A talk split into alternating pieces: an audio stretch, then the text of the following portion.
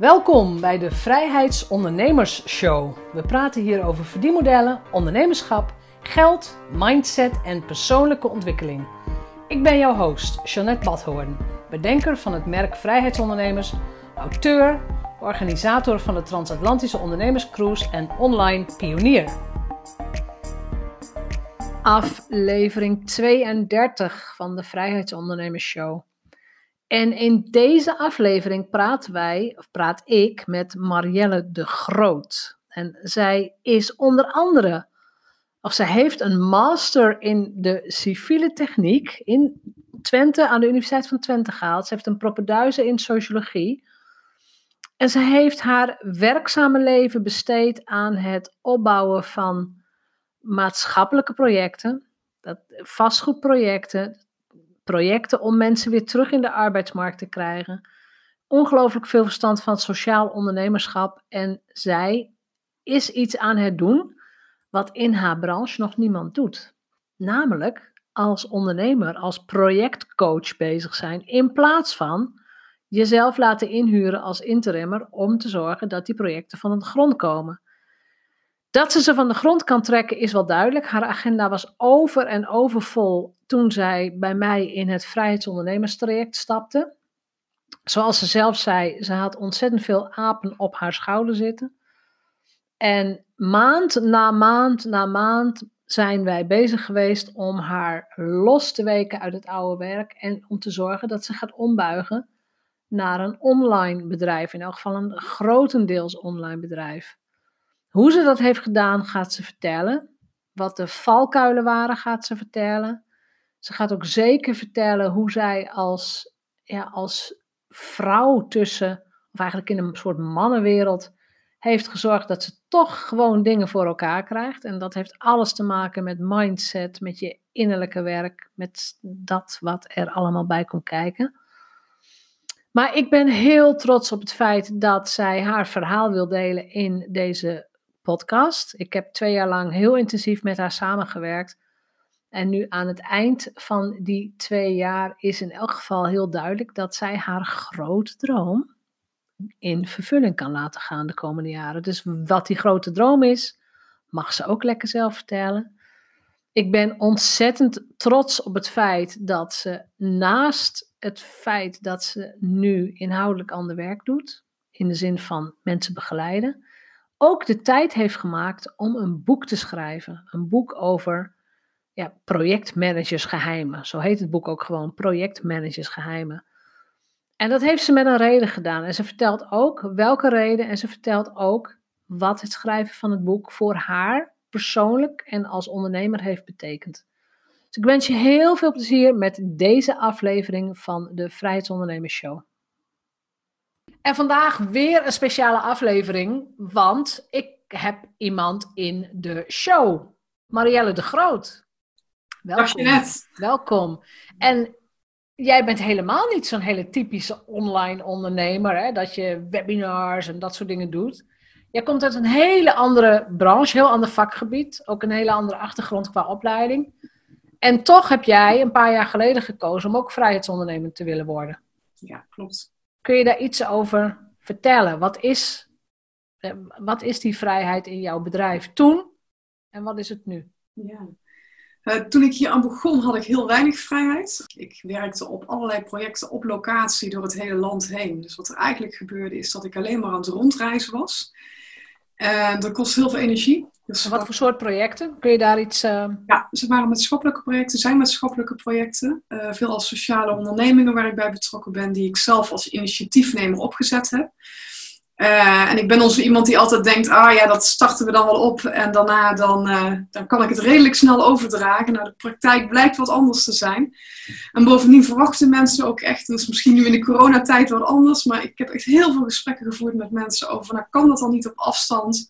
Kunnen we niet op afstand overleggen. En dan zie je dus dat iedereen gewend is om naar elkaar toe te komen. En dan lukt het dus gewoon niet. Omdat ja, men eigenlijk gewoon toch verwacht dat je, dat je er bent. Ja. Dus dan, uh, dan reisde ik eh, van Den Haag naar Haarlem, naar Breda en weer terug. En nou, de aanleiding was eigenlijk dat ik voor mezelf constateerde dat ik mijn kinderen gewoon niet meer zag.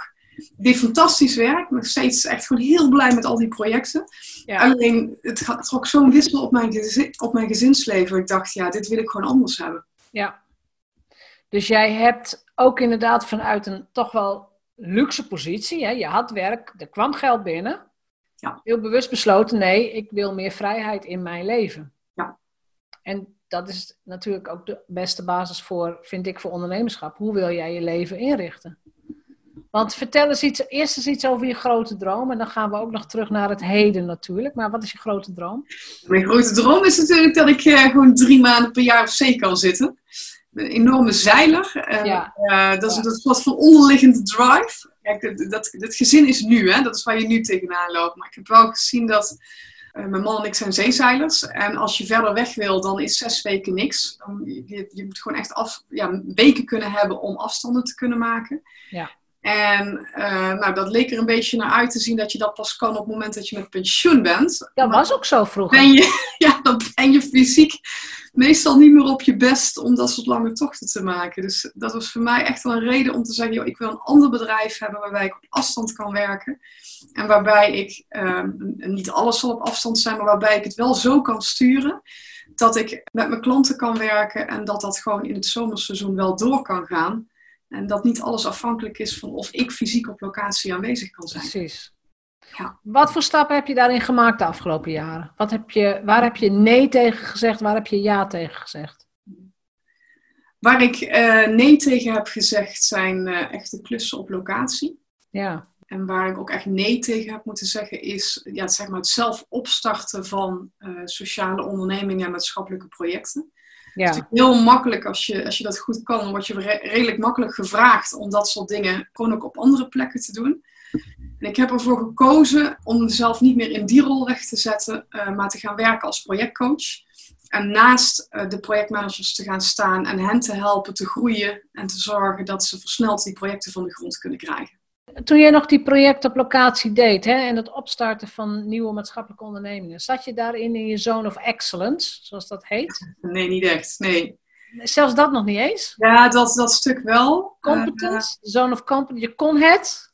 Ja, competence, excellence. Het is niet waar mijn hart extreem harder van ging kloppen. Nee, dus dan, dat, is de, dat is de genius, de zone of genius. Ja.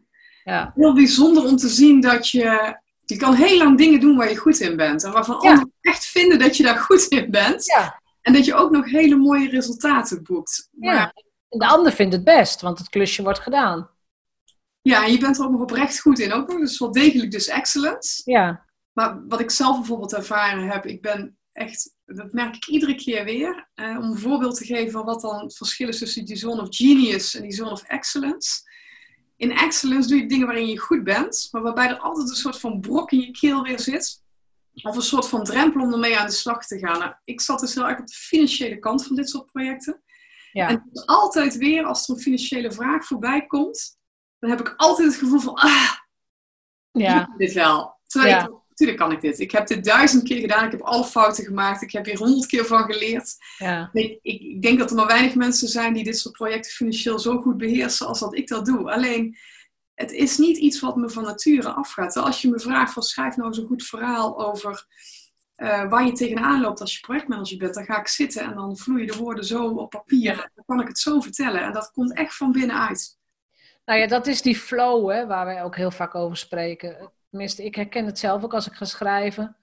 Ik kan teksten van mezelf teruglezen. Ik weet bewust dat ik ze geschreven heb.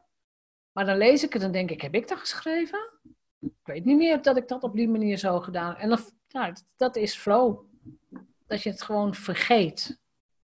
Ja, dat je ook echt heel erg mag werken vanuit al die jaren ervaring die je opgebouwd hebt. Dat je, dat je, het gaat niet om of ik een goede notitie schrijf of een goede rapportage maak. Het gaat erom dat ik goed kan vatten wat iemand nu nodig heeft. Dat ik dat uit mezelf laat komen en zorg dat diegene daarmee aan de slag kan. En dat is zo anders werken. Zo cool. Dat is, dat is Ja. ook helemaal cool. Ja. Als, we gaan, ja, als we dan gaan kijken naar de, de vier pilaren van vrijheidsondernemers die ik heb onderscheiden. Eentje is de keuze van je verdienmodel. Dus jij bent gegaan van nou ja, eigenlijk 100% offline. Naar nu veel meer hybride. Dus het is veel meer online en nog af en toe offline. Offline gaat er misschien nou ja, nu, nu even helemaal uit, maar er blijft volgens mij wel een soort component in zitten. Dat je af en toe naar locatie gaat of dat je een nou ja, een teamvergadering doet. Ik weet het niet. Ja, en even op locatie wil kijken. Van hoe hebben ze het georganiseerd? Wat was de sfeer? Dat, dat gevoel wil je eigenlijk het liefst in het begin, de start van zo'n traject even, uh, even zien. Dat je een intensieve kennismaking hebt. Ja. Daarna kan gewoon echt heel veel, heel veel online. Precies. Daarna, nou ja, dat, hè, dan misschien wordt het dan 1090. Waar het eerst 100 offline, wordt het straks misschien 10%. Uh, dat, is, dat, is je, dat is hoe jij je businessmodel gaat invullen. Dan die tweede, die stipte jij al aan, hè? De tweede bij mij is expert content. Want jij zegt, ik kan nu eindelijk putten uit al die jaren ervaring die ik heb. Met andere woorden, je bent de expert op dit gebied. Ja. Hoe kan ik dat nu al zien van jou? Hoe kan ik het nu zien? Hoe kon ik het twee jaar geleden zien? twee jaar geleden zag je het omdat ik uh, gewoon goed was in mijn projecten. Maar daar ben je niet uniek in. Er zijn heel veel mensen die gewoon ontzettend goed zijn in het goed draaien van projecten. Uh, wat mij heel erg heeft geholpen, en ik laat het meteen even zien. Ik heb uh, afgelopen maand een boek geschreven, Projectmanagersgeheimen. Ik zal, hem, ik zal hem even beschrijven. Projectmanagersgeheimen is volgens mij officieel pas volgende week is de echte lancering. Maar jij hebt een fysiek exemplaar in handen. Want ja, ja, ik heb het alleen maar horen. en het is ook echt een heel dik boek geworden. Kunnen mensen niet zien. Maar hoeveel pagina's heeft het? Of hoeveel woorden heeft het? Ik moet even spieken. Tegen de 50.000 aan. 50.000 woorden, ja. Dat is een behoorlijk boek. Voor de mensen die dat nog niet kunnen. Hoeveel pagina's is het dan? 180, 190? Uh, de, de 225. 225. 225 pagina's. Dat is echt een behoorlijk boek inderdaad, ja. Waarom vond jij dat je dit boek nu moest schrijven? Want ik weet dat je het afgelopen jaar heel druk bent geweest en toch ook de tijd genomen, de tijd geblokkeerd om dit boek te schrijven. Ja, omdat je boven je vak moet gaan hangen. En je kan natuurlijk wel vanuit inhoud vertellen wie je bent. Uh, maar, en dat heeft ook te maken met die transitie van projectmanager zijn naar projectcoach worden. Ja. Ehm, dat vraagt eigenlijk om goed te snappen wat je zelf doet en op een andere manier te gaan kijken naar je vak. Daar waar ik vroeger zei van, joh, weet je, dan moet je zo'n toeltje invullen of je moet je een berekening maken. Moest ik nu gewoon heel precies gaan nadenken over, ja, maar wat doe ik nou eigenlijk en hoe doe ik dat?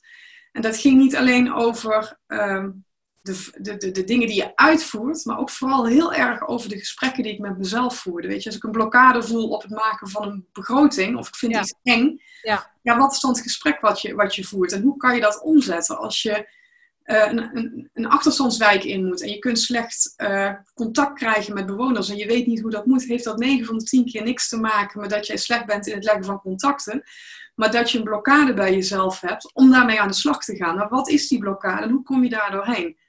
Ja. ja, dat schrijven van het boek heeft me dus gewoon enorm geholpen om dit soort dingen van het projectmanagementvak, om, om die scherp te krijgen.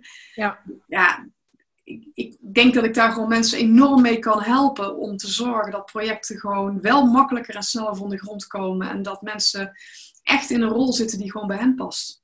Dus als ik het goed begrijp, dit boek gaat mij niet vertellen hoe ik een goed project leidt, technisch gezien, of met welke tool, of, of Scrum of Agile, of weet ik hoe het allemaal heet. En mag je allemaal gebruiken, maar... ik weet niet eens hoe het allemaal heet. Ja. Maar dit boek, is, misschien is het daar ook wel uniek in, laat mij zien hoe ik als mens projectmanager, effectief projectmanager ben. Precies. En zijn er meer van dit soort boeken? Volgens mij niet veel. Ik heb ze nog niet ontdekt, maar ik zal niet zeggen dat ze er niet zijn hoor. Soms zit je ook in je eigen kokon. Misschien in het Nederlands eh, misschien nog niet, ik weet het niet. Maar, maar het is waar wat jij beschrijft, hè, van, vanuit het schrijven van een boek. Want daar wou ik ook nog even op teruggaan. Hè. Je zegt, ik was projectmanager, ik ben nu projectmanagerscoach. Dat is, een, dat is echt een verschuiving in wie je bent. En ook hoe je je profileert en hoe je een gesprek ingaat. Hoe is die verandering voor jou gegaan daarin? Met stapjes. Ja. met stapjes. Ja. Vertel eens wat over de stapjes. Ja, ik, ik denk dat ik daar bijna twee jaar mee bezig ben geweest om dat voor elkaar te krijgen. En uh, de grootste blokkade om die stap te maken waren eigenlijk mijn projecten. Waarvan toen ik jou leerde kennen, was dat eigenlijk het eerste waarvan we bij jou in het traject kwam. Waarvan we zeiden: van oké, nou weet je, als je die stap wil maken, dan moet je die projecten gaan afstoten. En dat heeft enorm veel tijd en energie gekost om dat voor elkaar te krijgen. Sterker nog, ik heb het echt ervaren als een soort van test van ben je er klaar voor? Want iedere keer kwamen die dingen weer bij me terug en dan hadden ze weer een probleem en weer een vraagstuk en dan kreeg ik weer een vraag. En eigenlijk pas vanaf het moment dat ik een beslissing nam en nu ga ik er in een andere rol in staan, toen gebeurden er andere dingen. Dat is eigenlijk zeg maar vorig jaar of, of afgelopen jaar rond de zomer is dat geweest. Ja. En dat is ook het moment waarop ik het boek ben gaan schrijven. En toen zag je in één keer dat het in een uh, in een versnelling kwam. Maar het had alles Ja. met hoe ik mezelf zag te maken. Precies. Ik zag mezelf als projectmanager en ik, ik heb ook heel, ik, dat boek ben ik ook gaan schrijven, omdat ik natuurlijk heel lang dacht van ja, ja, wie ben ik nou om nu te gaan, tegen anderen te gaan vertellen hoe je projecten moet gaan managen. Ja, weet je, er zijn zoveel mensen die dat kunnen. Waarom zou ik dat nou op een andere manier kunnen? Maar ja, en door dat schrijven van het boek zie je dus, en zeker ook omdat ik, ik had heel veel meelezers en ik heb mensen ook daarop laten reageren. En toen kwam ik erachter, ja nee, dit is echt wel, dit is iets anders dan wat normaal verteld wordt. Dit is waar mensen wat aan hebben. de ruwe werkelijkheid misschien. Ja, ja, Want jij zei net ook iets heel belangrijks. Hè? Wie ben ik nou om hier een boek over te schrijven?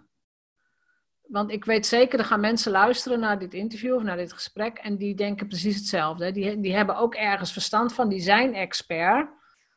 Maar ja, wie zijn zij nou om een boek te schrijven? Wat is jouw beste gedachte voor die mensen? ga, het, ga de ontdekkingsreis aan. Ga de ontdekkingsreis aan. Ja. Ja, weet je, als je dat, een boek schrijven is zoiets fascinerends. Ja, natuurlijk is buffelen, dat hoort er ook allemaal bij. Ja, ja, ja. Maar het groeiproces wat je doormaakt en de transformatie waar je ingaat en het feit dat je jezelf echt, dat het is het proces van die, van die rups die in die kokon zit en er zit van alles binnen en op een gegeven moment gaat zich dat ontwikkelen en er komt echt iets compleet anders uit dan wat je een paar maanden daarvoor bent. Dus het helpt je echt om, ja, om, om, om daar doorheen te komen. En geeft het jou, nee, dat laat ik me openstellen. Wat geeft het jou? Het, het feit, dat, hè, je bent nu auteur. Ook een identiteits. Ja, zeker. Je bent auteur. Wat doet dat met je? Het geeft je het gevoel dat je echt op een heel professioneel niveau met je vak als projectcoach bezig bent. En dat is zo gaaf. Dat ik denk, ja, weet je, ik ga dit vak gewoon invulling geven. Ja, En dat, dat zo'n boek helpt daarbij om dat ook gewoon lading te geven. En natuurlijk, ik kan erover vertellen. Ik, kan alle, ik heb natuurlijk eindeloos al blogs en vlogs gemaakt.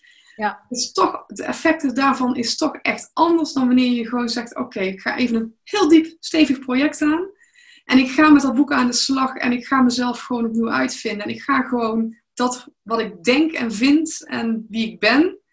En, en hoe ik tegen de wereld aankijk, ik ga dat gewoon op papier zetten. Het is natuurlijk ook confronterend, hè? want je gaat dingen schrijven waar je denkt van ja, wat vindt de wereld hier nou van? ja zeker. Ze gaan, ze gaan het allemaal lezen en zo. En er allemaal wat van vinden. En de eerste Gaan er keer, eh, als je dat boek eruit stuurt eh, naar je meelezers, kun je wel onder de tafel gaan liggen.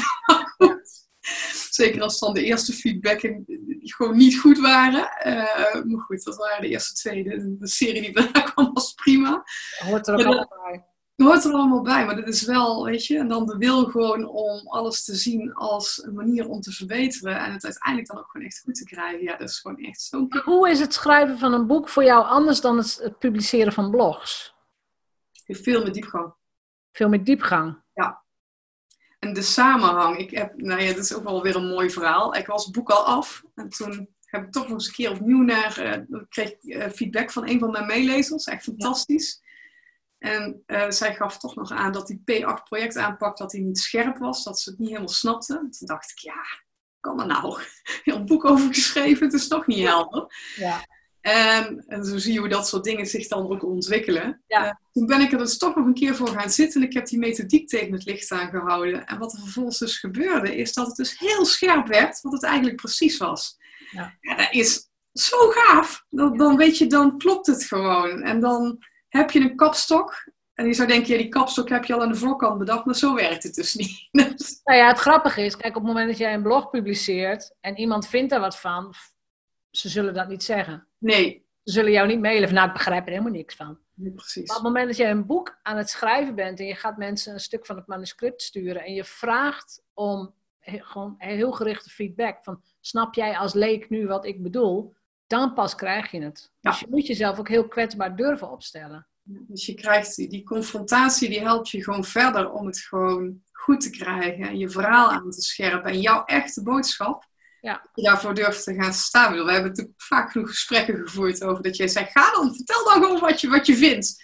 Zeg het dan. Ja. Maar dan een keer die knuppel in het hoenderok. En ik, nee.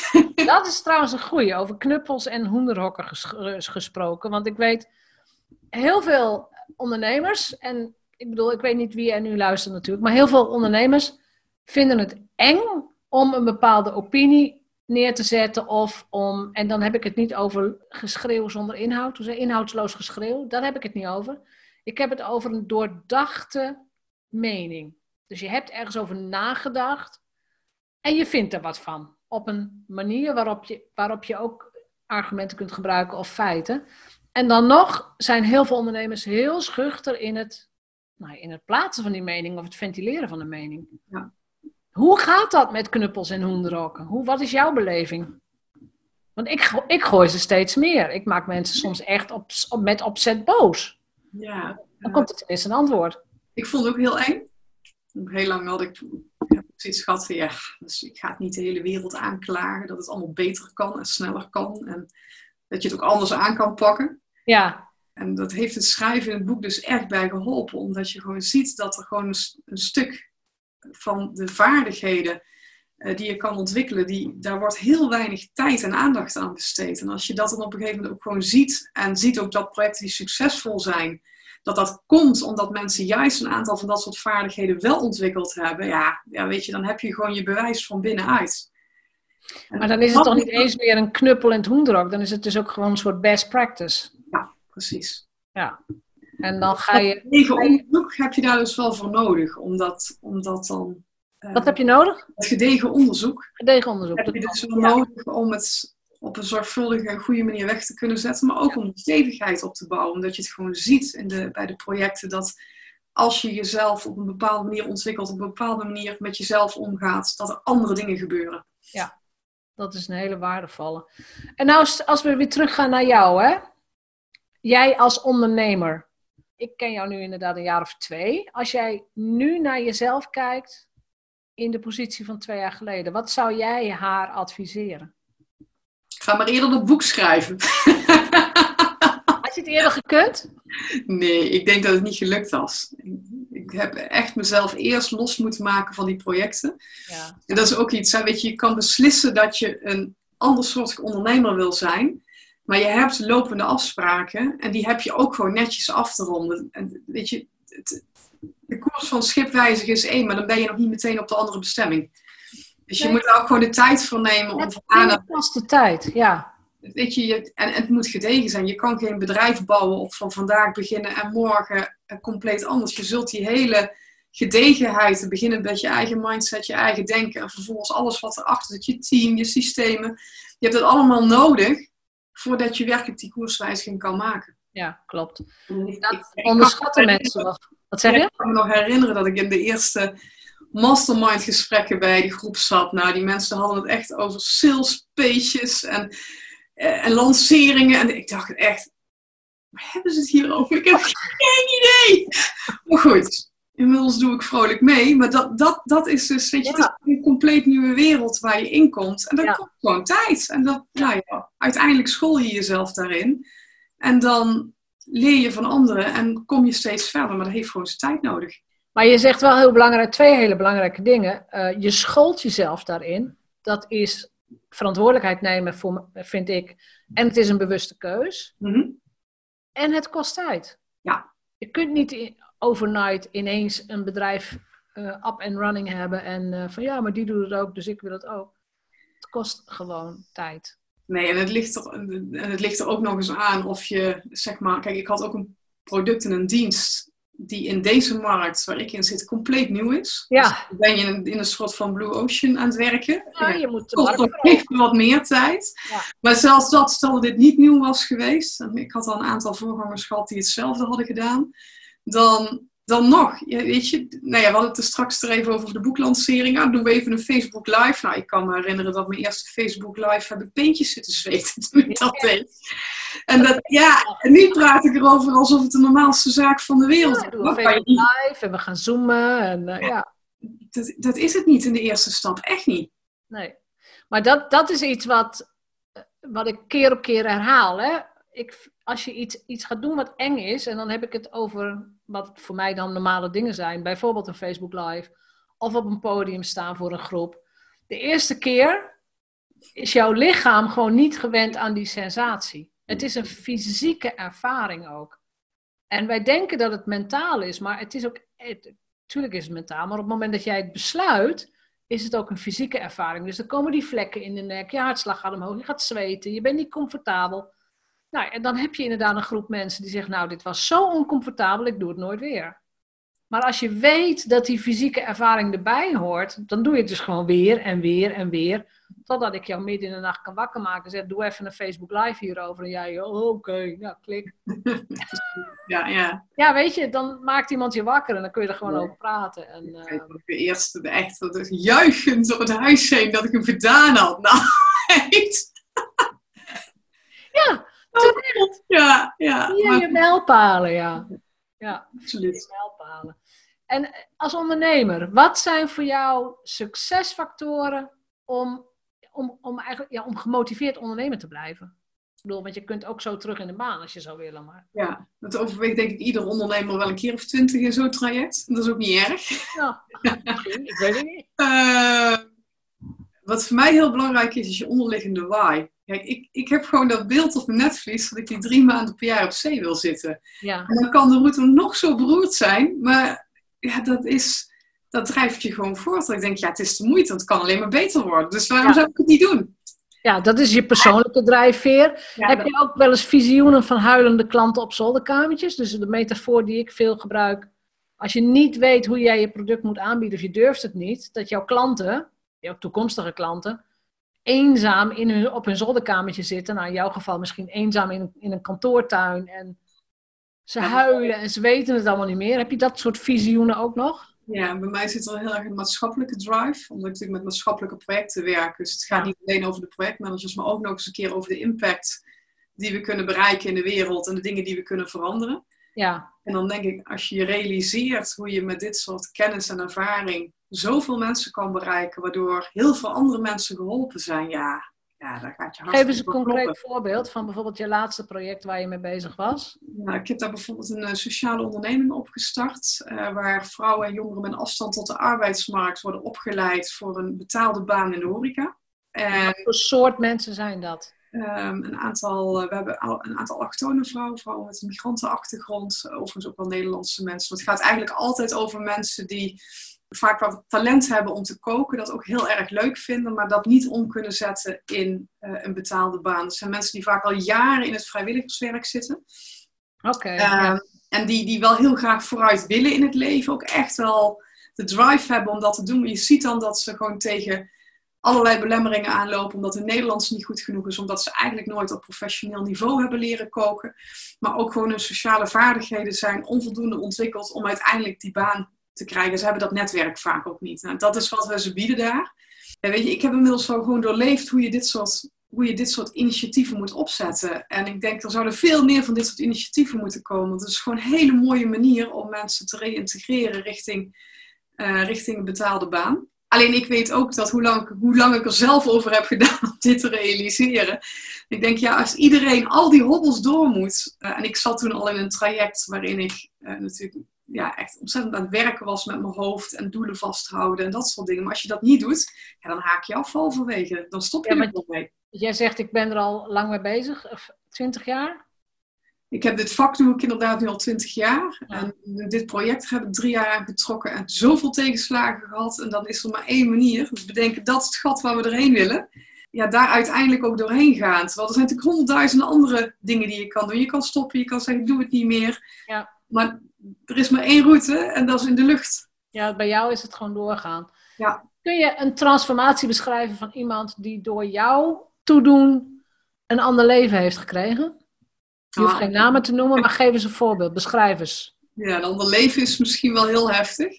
Maar ik zie wel mensen anders schakelen als, uh, als ze met mij werken. En een heel mooi voorbeeld is, ik was pas met een ondernemer aan de slag. En uh, die was in gesprek met de gemeente. Die voelde zich eigenlijk door de gemeente ja, een beetje klein gemaakt worden.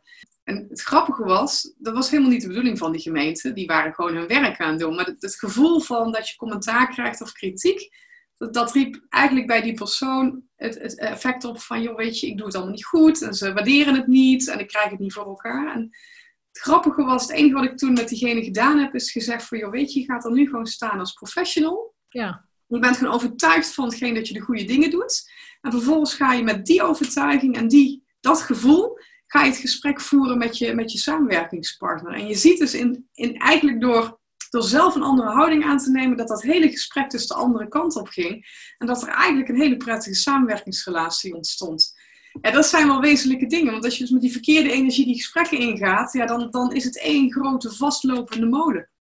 Maar dat is ook weer een, vind ik, een identiteitsshift. Yes. Niet van ik ben de afhankelijke of ik ben, nou ja, ik ben nog niet serieus genoeg als ondernemer, maar nee, ik ben die professional die gelooft in zijn of haar eigen product. Ik weet waar ik het over heb. Ik doe de goede dingen. Ik heb de juiste mensen. En ik, jullie gaan nu gewoon mee aan boord springen om te zorgen dat, dat we hier een maatschappelijk probleem voor de stad gaan oplossen. Ja, dat is, weet je, als je dat kan uitstralen, dan gebeuren er andere dingen.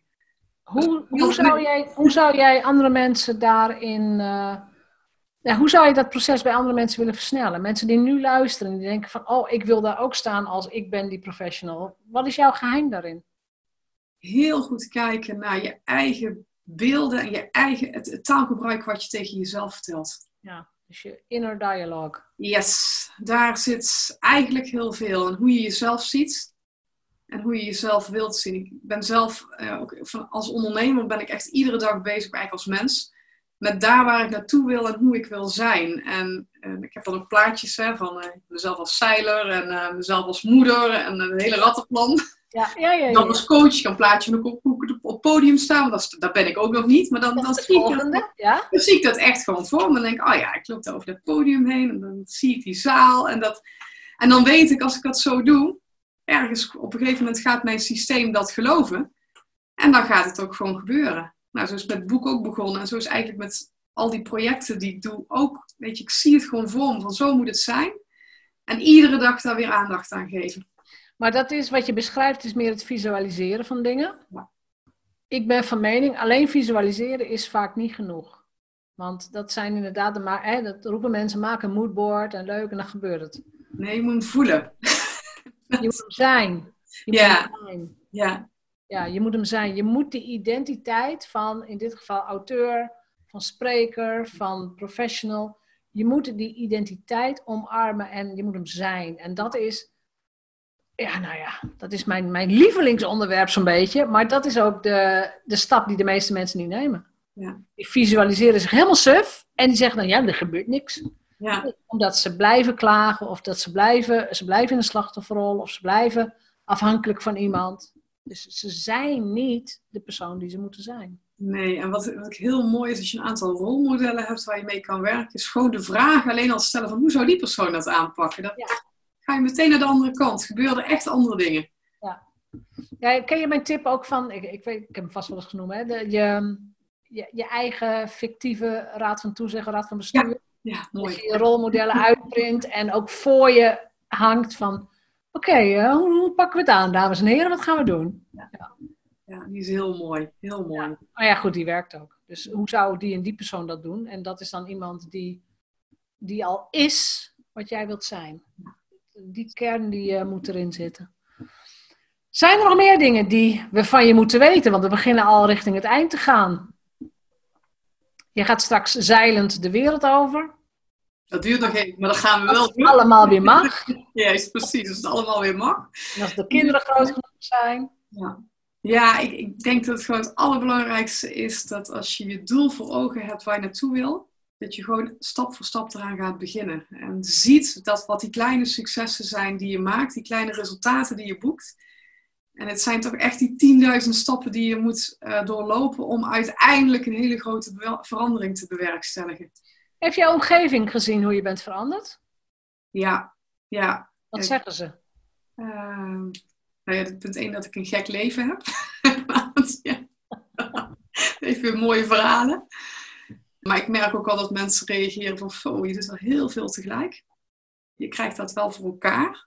Dus Ja. ben ik wel, ja, denk wel van, ja, dat is ook wel echt bewust op Omdat ingezet. je echt weet waar je mee bezig bent ook. Ja. Daar ben ik van overtuigd. Ja, en, en de focus die erop zit. Dus, dus, dus, waar ik zelf heel erg in gegroeid ben en wat ik ook de, de, de buitenwereld nu echt ook zie zeggen, is van ja, weet je, als jij het in je kop hebt en dat is, de, dat is waar je naartoe wil, dan blijft dat heilig en de route naartoe die kan zo flexibel zijn als het maar zijn kan, maar ja. dat daar, daaraan vast blijven houden. Nou, precies, we gaan er wel. Dat, dat is echt in, innerlijk werk. Want als jij geloof hebt dat het kan, dat je, dat je daar, ja, dat, dat je het voor je ziet en dat je dat ook echt wil, dan kun je ook de kracht ontwikkelen om alternatieve manieren van uh, werken te verzinnen, zodat je uh, dingen om kan krijgen de andere kant op. Dat is 100% innerlijk. Ja.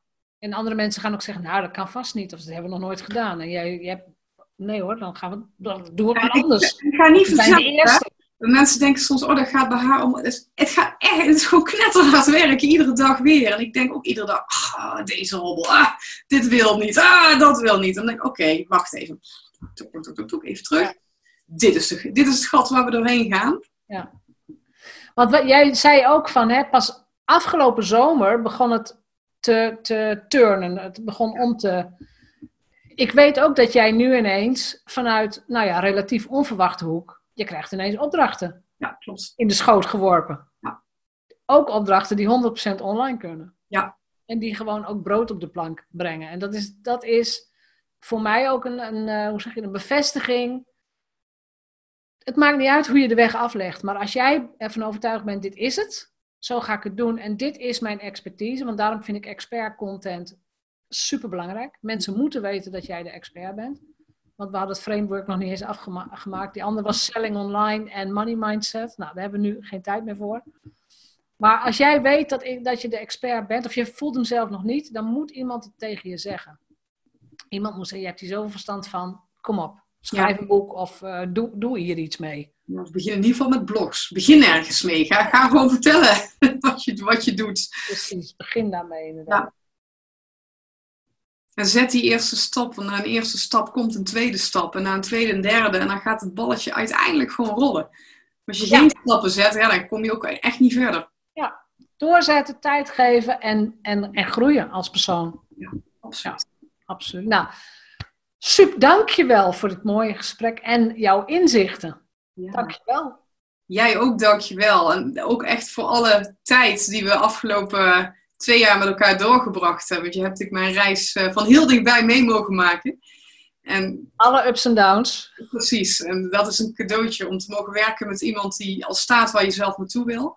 Want dat helpt je ook echt gewoon door, door barrières heen. En uh, brengt je ook in een omgeving dat je denkt, ja, het is echt niet onmogelijk wat ik wil. Er zijn er meer die dit doen. En uh, kom op, huppakee. Klopt, dat is ook zo. En, en ik ben ook heel blij dat je nou ja, eigenlijk in na anderhalf jaar ziet dat het dus ook echt lukt. Dat het ook echt gaat veranderen. En, want ik weet, het weet, ik weet gewoon dat het tijd kost. Dat is gewoon zo.